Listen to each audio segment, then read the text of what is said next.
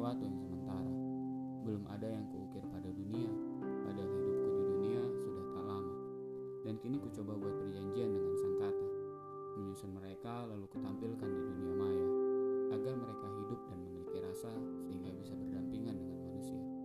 Maaf jika masih tak sempurna, karena aku masih seorang pemula yang ingin mengukir karya di sisa hidupku bukan hanya untuk disukai, tapi untuk dikenang walau aku telah mati. Panggil saja aku penyair cilik menyusun sang kata untuk manusia yang bisa dinikmati apa pun yang dirasakan hatinya. Inilah awal perjalanan kami untuk mengatakan pada seisi bumi bahwa penyair cilik takkan pernah